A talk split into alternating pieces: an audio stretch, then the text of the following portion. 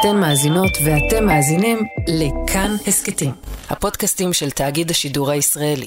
הוא סיפר לי שהוא בא לכנסת פעם ראשונה, כל הפוליטיקאים הכי בכירים, ממשה דיין ויגאל ידין, וכולם הגיעו לה, למליאה לשמוע אותו. לראות מי זה הצעיר המרוקאי הזה. כי זה היה כל כך יוצא דופן אז, כן. צעיר מרוקני, שמדבר בנועם, בדרך ארץ. רצו לשמוע מי זה הצעיר הבולט הזה, ראש עיר הצעיר ביותר. מי הוא?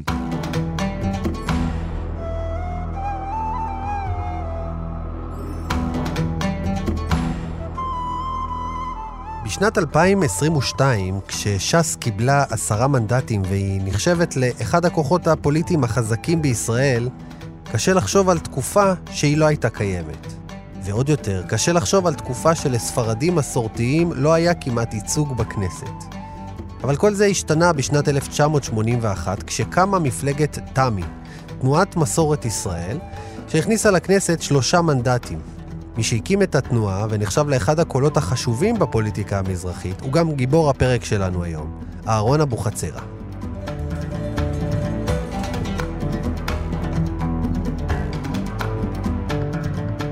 ברוכות הבאות, ברוכים הבאים לשרשרת זהב. אני אופיר טובול, מזמין אתכם בכל פרק למסע לליבה של דמות מהעולם הספרדי והמזרחי. דרך הדמויות ננסה להשלים מעט מהידע החסר בסיפור הישראלי והיהודי שלנו. היום נדבר על דמותו של אהרון אבוחצירא. כוכב מזהיר בשמי הפוליטיקה הישראלית. הוא נולד ב-1938 לאחד מהרבנים החשובים של יהדות מרוקו, וכבר בגיל 33 נבחר לראש העיר של רמלה. תוך שנים ספורות הגיע לכנסת ולתפקיד שר, וכל זה מטעם המפד"ל. ואז הוא פרש והקים מפלגה חדשה, בעלת בשורה חדשה. מפלגה ספרדית מסורתית ראשונה מסוגה. שנים ספורות לאחר מכן הורשע בשוחד ופרש מהחיים הפוליטיים. מפלגתו נחשבת לזו שבישרה על הקמת מפלגת ש"ס. הזמנתי את אחיינו, איש התקשורת ודובר בית החולים איכילוב, אבי שושן, לספר על מי שהיה אחד הקולות החשובים בפוליטיקה של שנות ה-80. אהלן אבי, מה נשמע? שלום אופיר, בסדר גמור, מה שלומך? יצא לך, יצא לך לראיין אותו לפני שלוש שנים, אחרי הרבה מאוד שנים שהוא... הוא היה מטופל בשבע, שמונה שנים האחרונות באופן די אינטנסיבי אה, באיכילוב. עד מותו לפני כחצי שנה בערך. ודיברנו. כן, גם בן אדם הגיע לשנים האחרונות בחייו, אה, שלב הסיכומים. שלב הסיכומים, ואני אין לי בעיה לשאול, ותמיד הייתי סקרן, ויום אחד היה לי אומץ ושאלתי אותו, תגיד, דוד אהרון, בסוף אתה לא כואב לך שנשכחת, שמה שזוכרים זה המשפט, ולא זוכרים את הדברים הגדולים שעשית? ואמרתי לו, אולי אני אראיין אותך לידיעות אחרונות. אז הוא אמר לי, תן לי לחשוב על זה, ועד אז תמיד הוא היה לא מוחלט. ופתאום יום אחד הוא אמר, תן לי לחשוב על זה. וזה לקח עוד איזה שלושה חודשים, וראיינתי אותו. נסעתי אליו הביתה לאשדוד, ישבנו איזה חמש-שש שעות ביחד, וגם לא באתי לכתבה רגילה. אתה יודע, כשאתה בא לכתבה רגילה, אתה בא להספיק. אתה יודע, לתמצ... יש לך עכשיו כן. שעתיים, שלוש, אתה צריך... אמרתי, פה אני בא ליהנות. אני בעצם בא לשמוע את ההיסטוריה לא המשפחתית. לא היה לך איזה דדליין שהיית חייב. לא, באתי ליהנות, באתי לשמוע את ההיסטוריה המשפחתית ואת הסיפור שלו. והייתה כתבה שהוא קיבל עליה הרבה עדים, וגם אני קיבלתי איך שהתפרסמה. פעם ראשונה שהוא דיבר אחרי 20 שנות שתיקה. ואני חושב שמה שהדהים אותי בכתבה זה הכנות בה הוא מדבר. ואת החשבון נפש שהוא עשה, עליו, על העדה הספרדית, על הפוליטיקה הישראלית. ובעצם, אני יכול להגיד לך שהייתה לי את הזכות, אני רואה את זה, לספר את הסיפור שלו כי כשהוא נפטר, אז אה, לבקשתי פרסמו את הכתבה. כן, בסוף אה, באמת זה אחד הדברים הבודדים. הבודדים שהיו, וגם רעיון שעשיתי איתו בערוץ הכנסת, ולמעשה אני מרגיש שהיה לי את ה... עשיתי את התיעוד האחרון איתו, וזה תיעוד שאתה שומע את הסיפור שלו, אתה מבין כמה הוא היה אדם פורץ דרך. אז בוא, בוא נתחיל את הסיפור, דווקא לא מהסוף, אלא מההתחלה, לשם שינוי. הוא נולד למשפחה לא רגילה. משפחת אבוחצירא בעיר תפיללת, במחוז תפיללת, כן. בעיר ערפות במרוקו. שהאבא הוא הבבא חכי, רבי יצחק אבוחצירא, שהיה המנהיג של הקהילה המרוקנית אז של יהודי האזור, שזה שטח גודל פי שלוש ממדינת כן, ישראל. כן.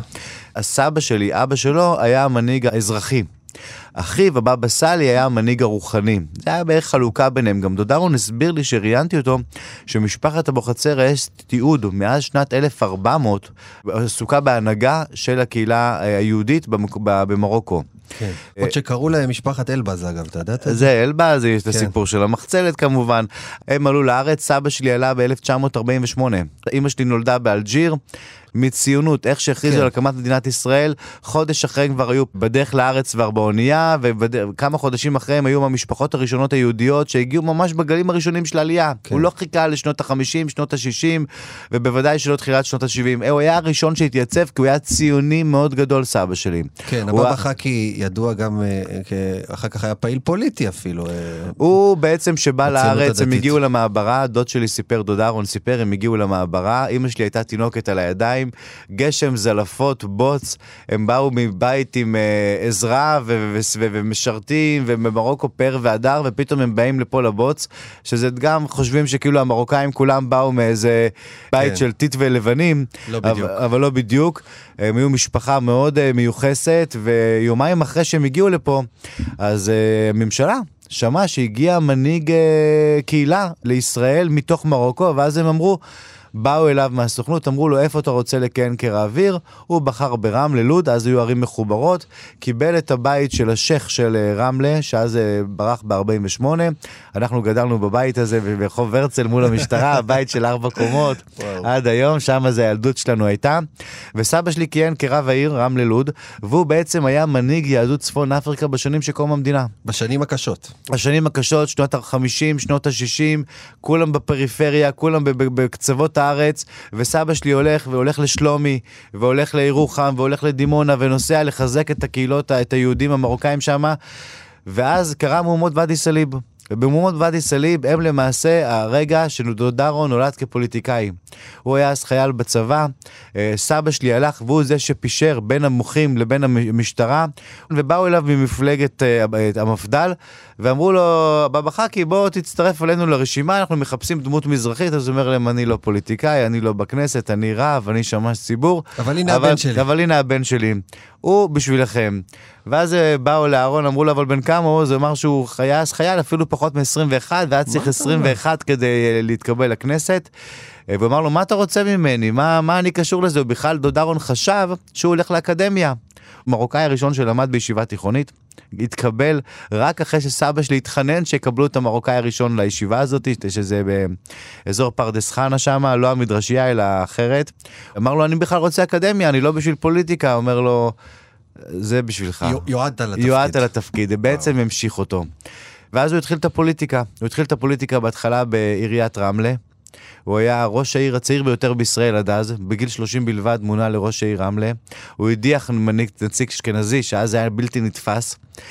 ואז הוא הגיע לכנסת בו זמנית, אז היה מותר להיות גם חבר כנסת, גם שר, 1974. הוא ודוד לוי, שני המרוקאים שמושבעים פעם ראשונה בכנסת ישראל, לכהן כחברי כנסת.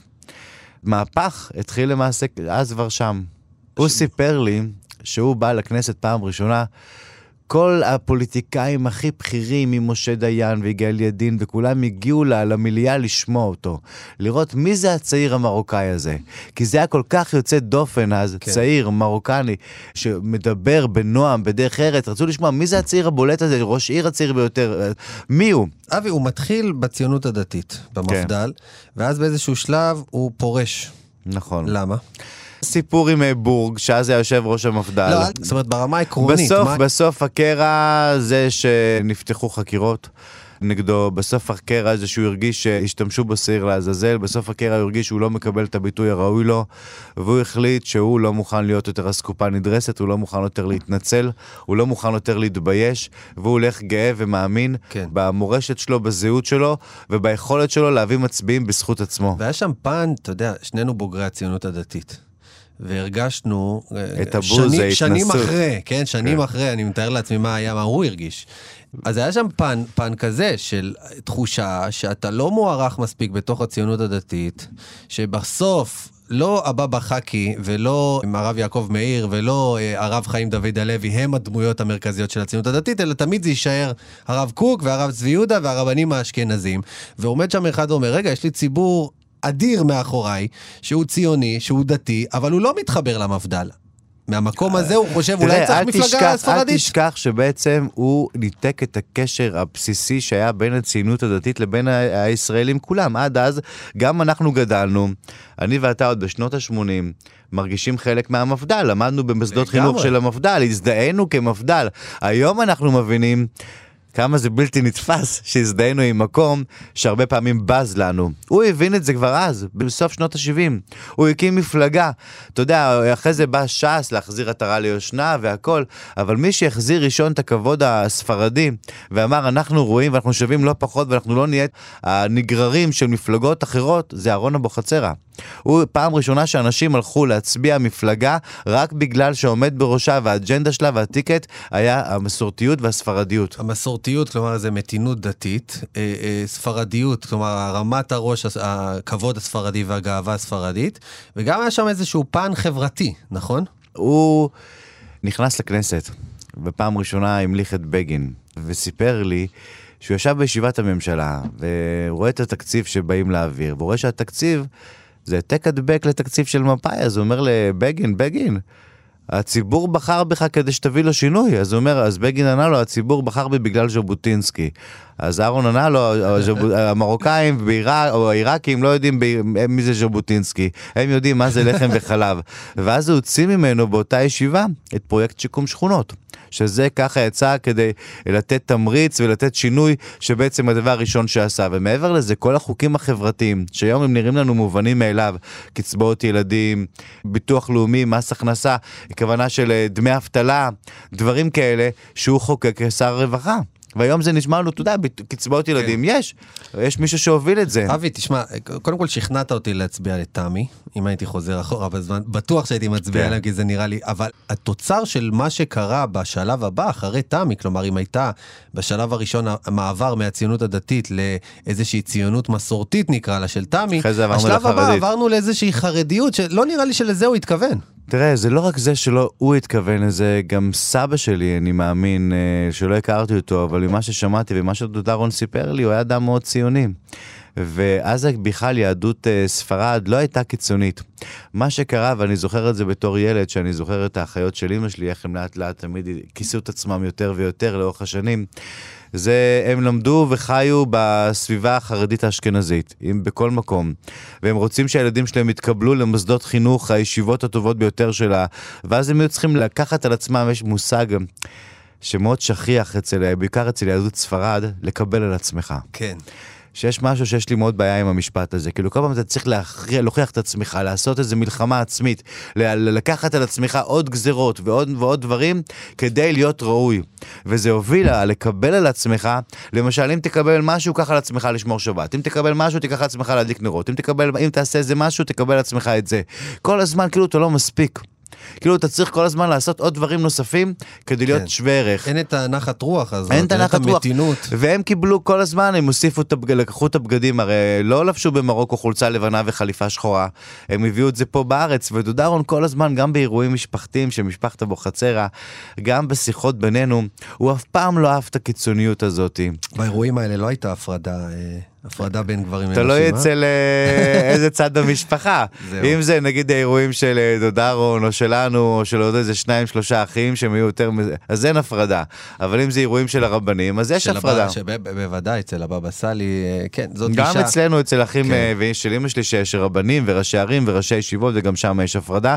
אבל אנחנו מקבלים את זה, אנחנו כאילו אחד, אתה יודע, אחד מקבל את השני, שבאים לאירועים שלנו, זה בלי הפרדה והכל בסדר. אגב, אצלכם במשפחה, אני מנסה לחשוב על הדור הבא שלנו, יש אה, איזושהי מתיחות בין הצד היותר חרדי לצד היותר ציוני דתי. כלומר, אותך שלחו לציונות דתית, לישיבה נכון. תיכונית. אבל זה גם דוגמה איך זה קרה, כי אם אבא שלי לא היה דתי בכלל שהוא התחתן עם אמא שלי, הוא התחתן עם הבת של הבבא חכי, כאילו זה הייחוס, תחשוב, זה כאילו, בש... כן. כמו הבת של אה, הרב שך במגזר האשכנזי אה, בשנות ה-90, ככה אבא שלי בשנות ה-60 עם אמא שלי. זה לא נתפס הרי.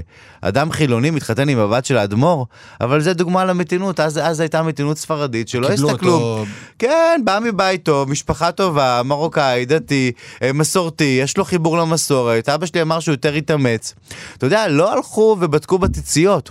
לא פשפשו ואמרו, אה, האם הוא עושה ככה, או מתגלח ככה, או עושה ככה. אני זוכר שאימא שלי קנתה לו את המכונת גילוח שלא התגלח עם סכין. רק כדי שתבין איזה בכלל מציאות אחרת שהייתה. אז תמיד לא היה את הקיצוניות, תמיד גם היינו ביחד, זה גם לא... יש, אנחנו, אנחנו ככה ואתם ככה. לא. חילונים, דתיים וכל הדבר הזה. הבבא כן, ברוך, כן. שאני מחזיק ממנו מאוד, הבן של הבבא סאלי, אני זוכר בתור ילד הגיע אלינו הביתה. והדוד ישב ליד דוד אהרון, ואז הוא דיבר. ואני זוכר את הנאום הזה בתור ילד, ואמר אצלנו היהדות הספרדית, תזכרו את הכלל שאני שמעתי מאבי מורי הבבא סאלי, ואני אומר לכם אותו. והייתי אז ילד קטן, הייתי אז בן 13. אמר שביל הזהב. אנחנו, היהדות הספרדית, לא כן, קיצונים הרמב"ם. מימין, לא קיצונים משמאל. תמיד תלכו על שביל הזהב, לא ללכת לשום קיצוניות. ודוד אהרון, אם יש דבר שאפשר להגיד עליו, שהוא סלד מקיצוניות. תגיד, מה הוא חשב על הפוליטיקה של היום? שמפוצלת לגמרי בשאלה הזאת, ספרדית אה, אשכנזית, ישראל הראשונה, ישראל השנייה. אה, יש תחושה אולי שחלק מהפוליטיקאים לוקחים את זה לאיזשהו מקום, קצת להיבנות אפילו על המתח הזה ועל הקונפליקט תראה, הזה. מה אני- הוא חשב על זה? יש משהו שאני בעצמי בקונפליקט בו.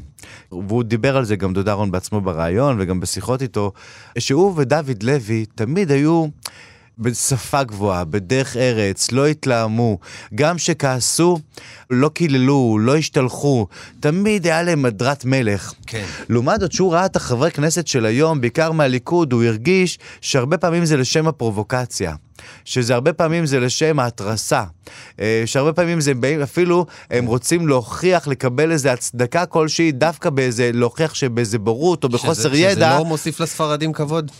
הוא לא ראה את זה כמוסיף לספרדים כבוד. אתה יודע, עכשיו אנחנו, אני ואתה, אני מאמין באיזה דוס, במקום אחר שחושב על זה. כי אנחנו רואים, נגיד סתם דוגמה, את דודי אמסלם, אני מת עליו, אני חושב שאני מכיר אנשים כמוהו, אני מכיר אותם מהשכונה, מהבית, מה, מהחברה, ואני אומר, כן, גם אנשים כמוהו ראויים להיות- להיות בכנסת ולקבל במה ולדבר עם הסגנון שלהם, ועם השפה שלהם, ועם האישיות שלהם. לדוד אהרון זה דור לא, אחר. כי לפעמים אני אומר, אולי אה, אה, אה, אהרון אבוחצירא, שדיבר יפה, שהיה אה, מתון ומנומס, יכול להיות שדווקא צריך שמישהו יבוא וידפוק על השולחן. אבל אתה יודע, דיבר. יפה ומנומס, בסוף חוקק את כמה מהחוקים החברתיים כן. הכי חשובים. בסוף הוא היה היהוד, הישראלי הראשון שהגיע למצרים, שסאדאת הזמין אותו, והוא הגיע למצרים והלך לקבר של רבי יעקב אבוחצירא בדמנור ו- והיה.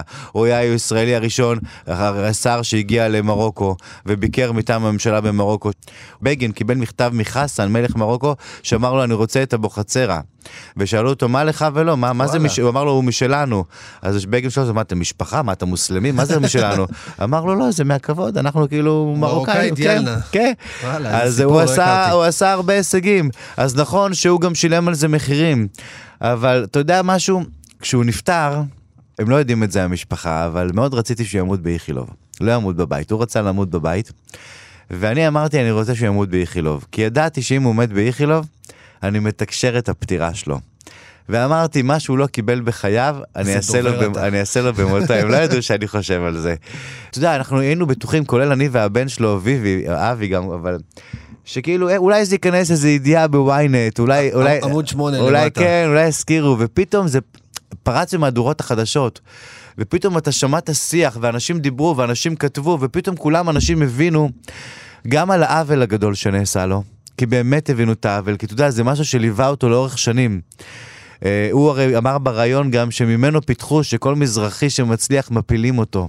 תחשוב כמה זה עצוב, שבעצם אדם שהולך ל- ל- לפעילות אה, אה, בכנסת או פעילות ציבורית ומרגיש שאם הוא אה, מזרחי אז שיהיה עליו איזה 20 אלף פרוז'קטורים יותר כדי לחפש אותו, כדי להראות שהנה איפה הוא נופל. ואנחנו ראינו את זה לאורך הרבה שנים עם הרבה כן. פוליטיקאים מזרחים.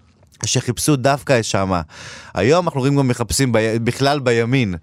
אבל אתה יודע, התחושה הזאת שלמרות כל מה שהוא עשה, בסוף זה מה שליווה אותו, אז במותו זה כבר לא היה אישיו. במותו, האהבה שהוא קיבל והפרגון, שבסוף הנה אנחנו גם מדברים פה היום, חצי שנה אחרי מותו, עליו, על האישיות שלו, וגם כמה בחייו אמרתי לך, אופיר, בוא תיפגש איתו, בוא אני אפגיש ביניכם, בוא ת... זה פספסתי. באמת מדובר באחד האנשים שהיו שם בנקודת, בצומת מאוד מאוד מרכזי של כל הפוליטיקה הישראלית וכל מה שאנחנו מכירים היום. ובדיוק מהאנשים האלה שהם מנענעים את העץ ואחר כך באים אחרים ולוקחים את הפירות. אני חושב שזה זה, זה סיפור, זה סיפור שמאוד מזכיר לי אותו. אבל הוא לא סיפור טרגי, חשוב להגיד את זה. הוא אדם פורץ דרך, הוא אדם שעשה פה דברים שבספרי ההיסטוריה בסוף אנחנו פה יושבים ומדברים וגם ידברו על זה עוד הרבה שנים. לגמרי.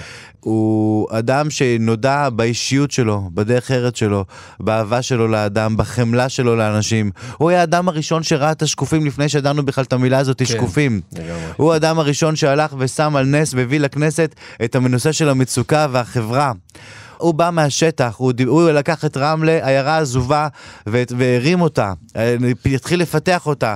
הוא הלך לאשדוד, שהייתה צעירה, והיה חלק מהתנופה של העיר אשדוד. הוא היה הראשון שהקים, מנכ- שמינה מנכ"ל ספרדי, כמו שאמרת, כדי כן, שידעו שבוזגלו בוזגלו. יכול להיות גם מנכ"ל.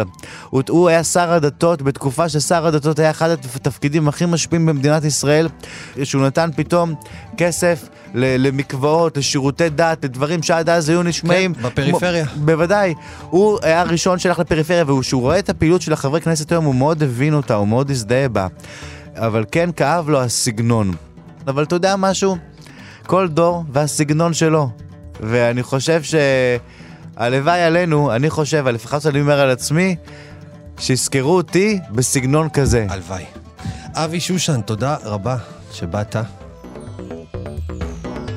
נסיים עם אה, כמה מילים של גיבור הפרק שלנו, וזה מה שאמר אהרון אבוחצירא.